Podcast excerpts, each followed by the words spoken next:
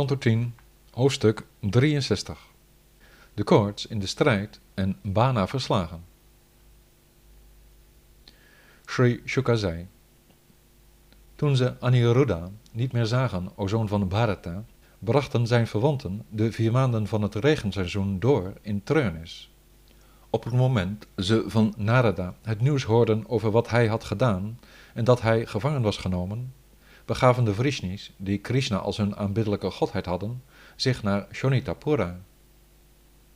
De besten der Sattvata's, te weten Pradyumna, Yuyodhana, Gada, Samba en Sarana, Nanda, Upananda, Bhadra en anderen, kwamen onder leiding van Balarama en Krishna bijeen met twaalf Akshohinis en belegerden aan alle kanten Bana's stad volledig. Ziend hoe de stadstuinen, de stadsmuren en uitkijktorens werden vernield, kwam hij, briesend van woede, naar buiten om hen partij te bieden met een leger dat net zo groot was. Bhagavan Shiva reed samen met zijn zoon de stad uit, zittend op Nandi, zijn stier, om, vergezeld door de Pramatha's, aan de kant van Bana tegen Balarama en Krishna te vechten. Wat zich toen voordeed, o koning, was een ontstellend heftige strijd die je de haren te bergen deed reizen. Krishna kwam daarin in het geweer tegen Shankara en Pradyumna tegen Kartikeya. Balarama vocht tegen Kumbanda en Kupakarna, Samba vocht tegen Bana's zoon en Satyaki vocht tegen Bana zelf. Om er getuige van te zijn, kwamen de leiders van de goddelijken met heer Brahma voorop in hun hemelse voertuigen, als ook de wijzen, de vervolmaakten en de achtenswaardigen, de zangers en dansmeisjes van de hemel en de geesten. Scherpgepunte pijlen afschietend met zijn boog, de Sharnga, verdreef Shauri de Bhuta's, de Pramata's, de Goyaka's, de Dakinis, de Yatudhanas, de Vetalas, de Vinayaka's, de Pretas, de Matas, de Pishachas, de Kushmandas en de Brahmarakshasas, die allemaal Shankara volgden. De drager van de drietand, die verschillende soorten wapens inzette tegen hem die de Sharnga hanteert, zag hoe ze allemaal geneutraliseerd werden met passende tegenwapens. Ze konden de drager van de Sharnga niet van zijn stuk brengen. Hij zette een Brahmastra in tegen een Brahmastra, een bergwapen tegen een windwapen, een regenwapen tegen een vuurwapen en zijn Narayanastra, zijn persoonlijke wapen tegen Shiva's persoonlijke Pashupatastra. Nadat Shauri heer Shiva had begoocheld door hem aan het gapen te brengen met een gaapwapen, viel hij Bana's leger aan met zijn zwaard, zijn knots en zijn pijlen. Kartikeya, geplaagd door Pradyumna's pijlen, die van alle kanten op hem neerregenden, vluchtte met zijn ledematen stromen van het bloed op zijn pauwenvoertuig weg van het slagveld. Kumbanda en Kupakarna, geteisterd door de knots van Balarama, vielen en hun legers, wiens leiders dood waren, vluchtten in alle richtingen. Bana, die zijn troepen uiteengeslagen zag, keerde zich af van Satyaki waarmee hij vocht, stak in zijn strijdwagen het slagveld over en viel hoogst verbeten Krishna aan. Bana, buiten zichzelf door het vechten, legde twee pijlen aan op ieder van zijn bogen en spande in één keer alle vijfhonderd. Deze bogen werden door Bhagavan allen tegelijk doorkliefd, en nadat hij de strijdwagen, de paarden en de wagenmenner van Bana had getroffen, blies hij op zijn schelphoorn.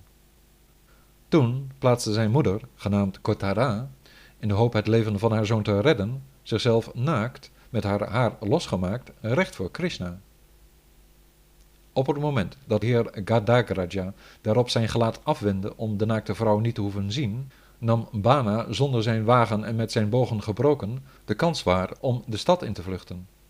Maar nadat Shiva's volgelingen verdreven waren, ging Jwara, de verpersoonlijking van Shiva's hete koorts, met drie hoofden en drie voeten, de afstammeling van Dashara te lijf, alsof hij de tien windrichtingen in vuur en vlam wilde zetten.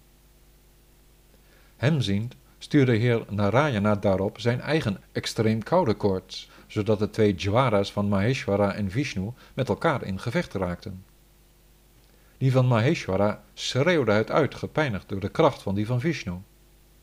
Nergens een veilig heenkomen vindend, begon Maheshwara's Jwara toen dorstend naar bescherming devoot Rishikesha te prijzen met gevouwen handen. De Jwara zei, Ik buig me neer voor u, de Allerhoogste Heer, onbegrensd in zijn vermogens, de ziel van allen zuiver van bewustzijn, de oorzaak van het geheel van de schepping, voleinding en handhaving van het universum, voor u de absolute waarheid van volmaakte vrede naar wie de Veda's indirect verwijzen.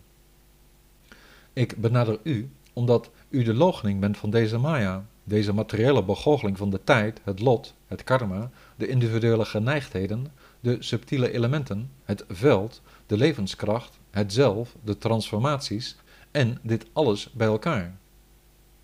Die illusoire werkelijkheid vormt een nimmer eindigende stroom als die van zaden en spruiten. Met verschillende bedoelingen vervult u goddelijke missies, opdat de godsbewusten, de wijzen en de gedragsregels in de wereld worden gehandhaafd, en er een einde komt aan hen die het pad verlieten en zich overgaven aan geweld. Deze incarnatie van u is er om de aarde van haar last te verlossen. Ik word geplaagd door deze hoogst verschrikkelijke koorts van uw macht, die ondraaglijk koud is, maar niettemin brandt. Want inderdaad, zolang de belichaamde zielen in de greep van hun verlangens verkeren en niet uw voedselen dienen, moeten ze aldoor lijden.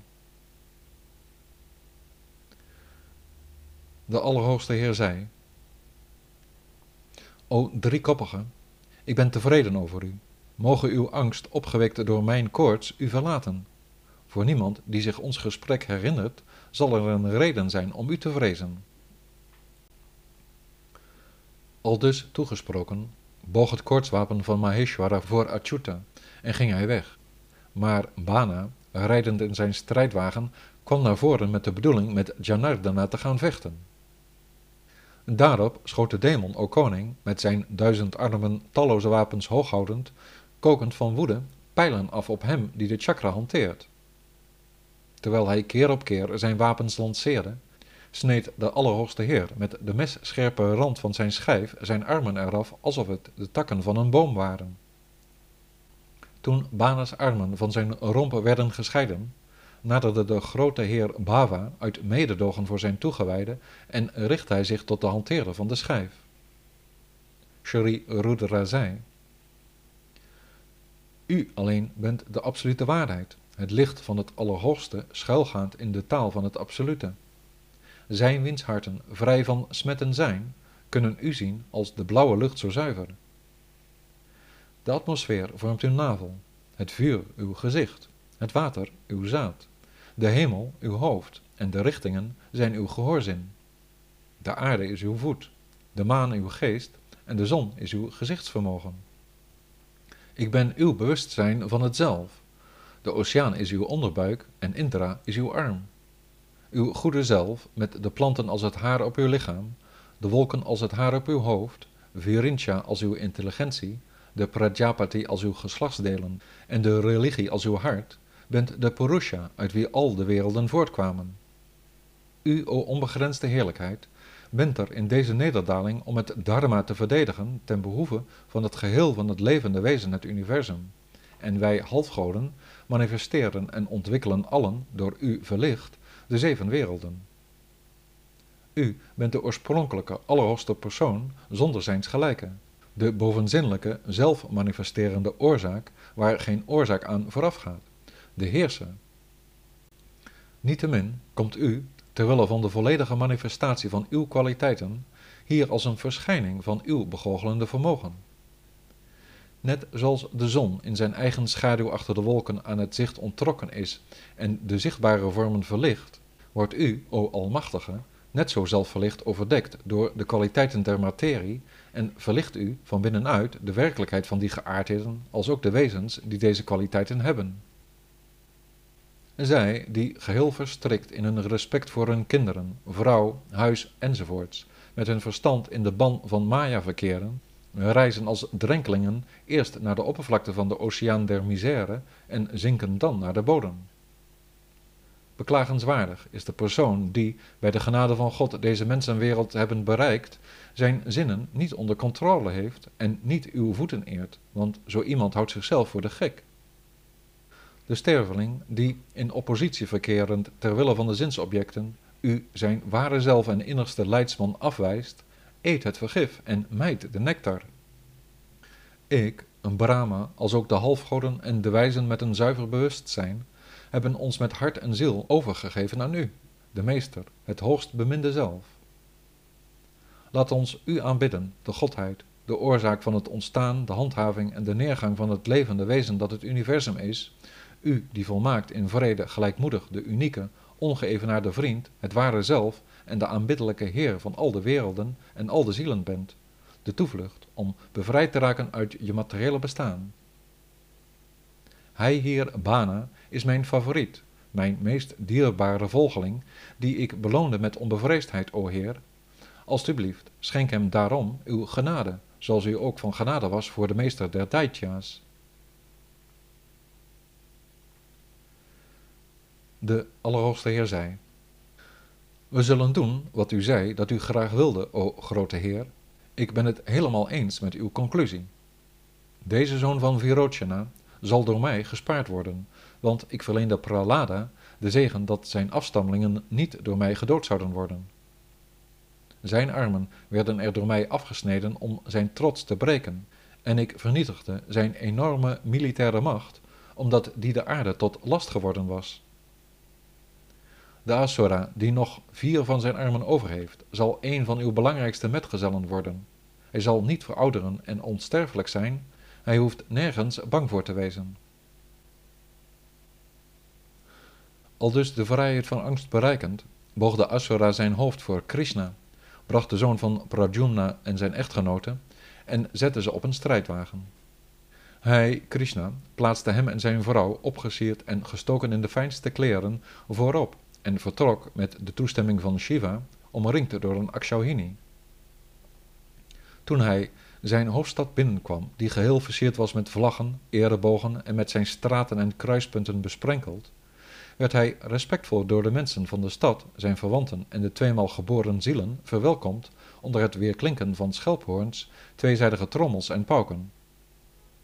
Voor de persoon die bij het krieken van de dag opstaat en zich deze overwinning van Krishna in de slag met Shankara herinnert, zal er geen nederlaag zijn.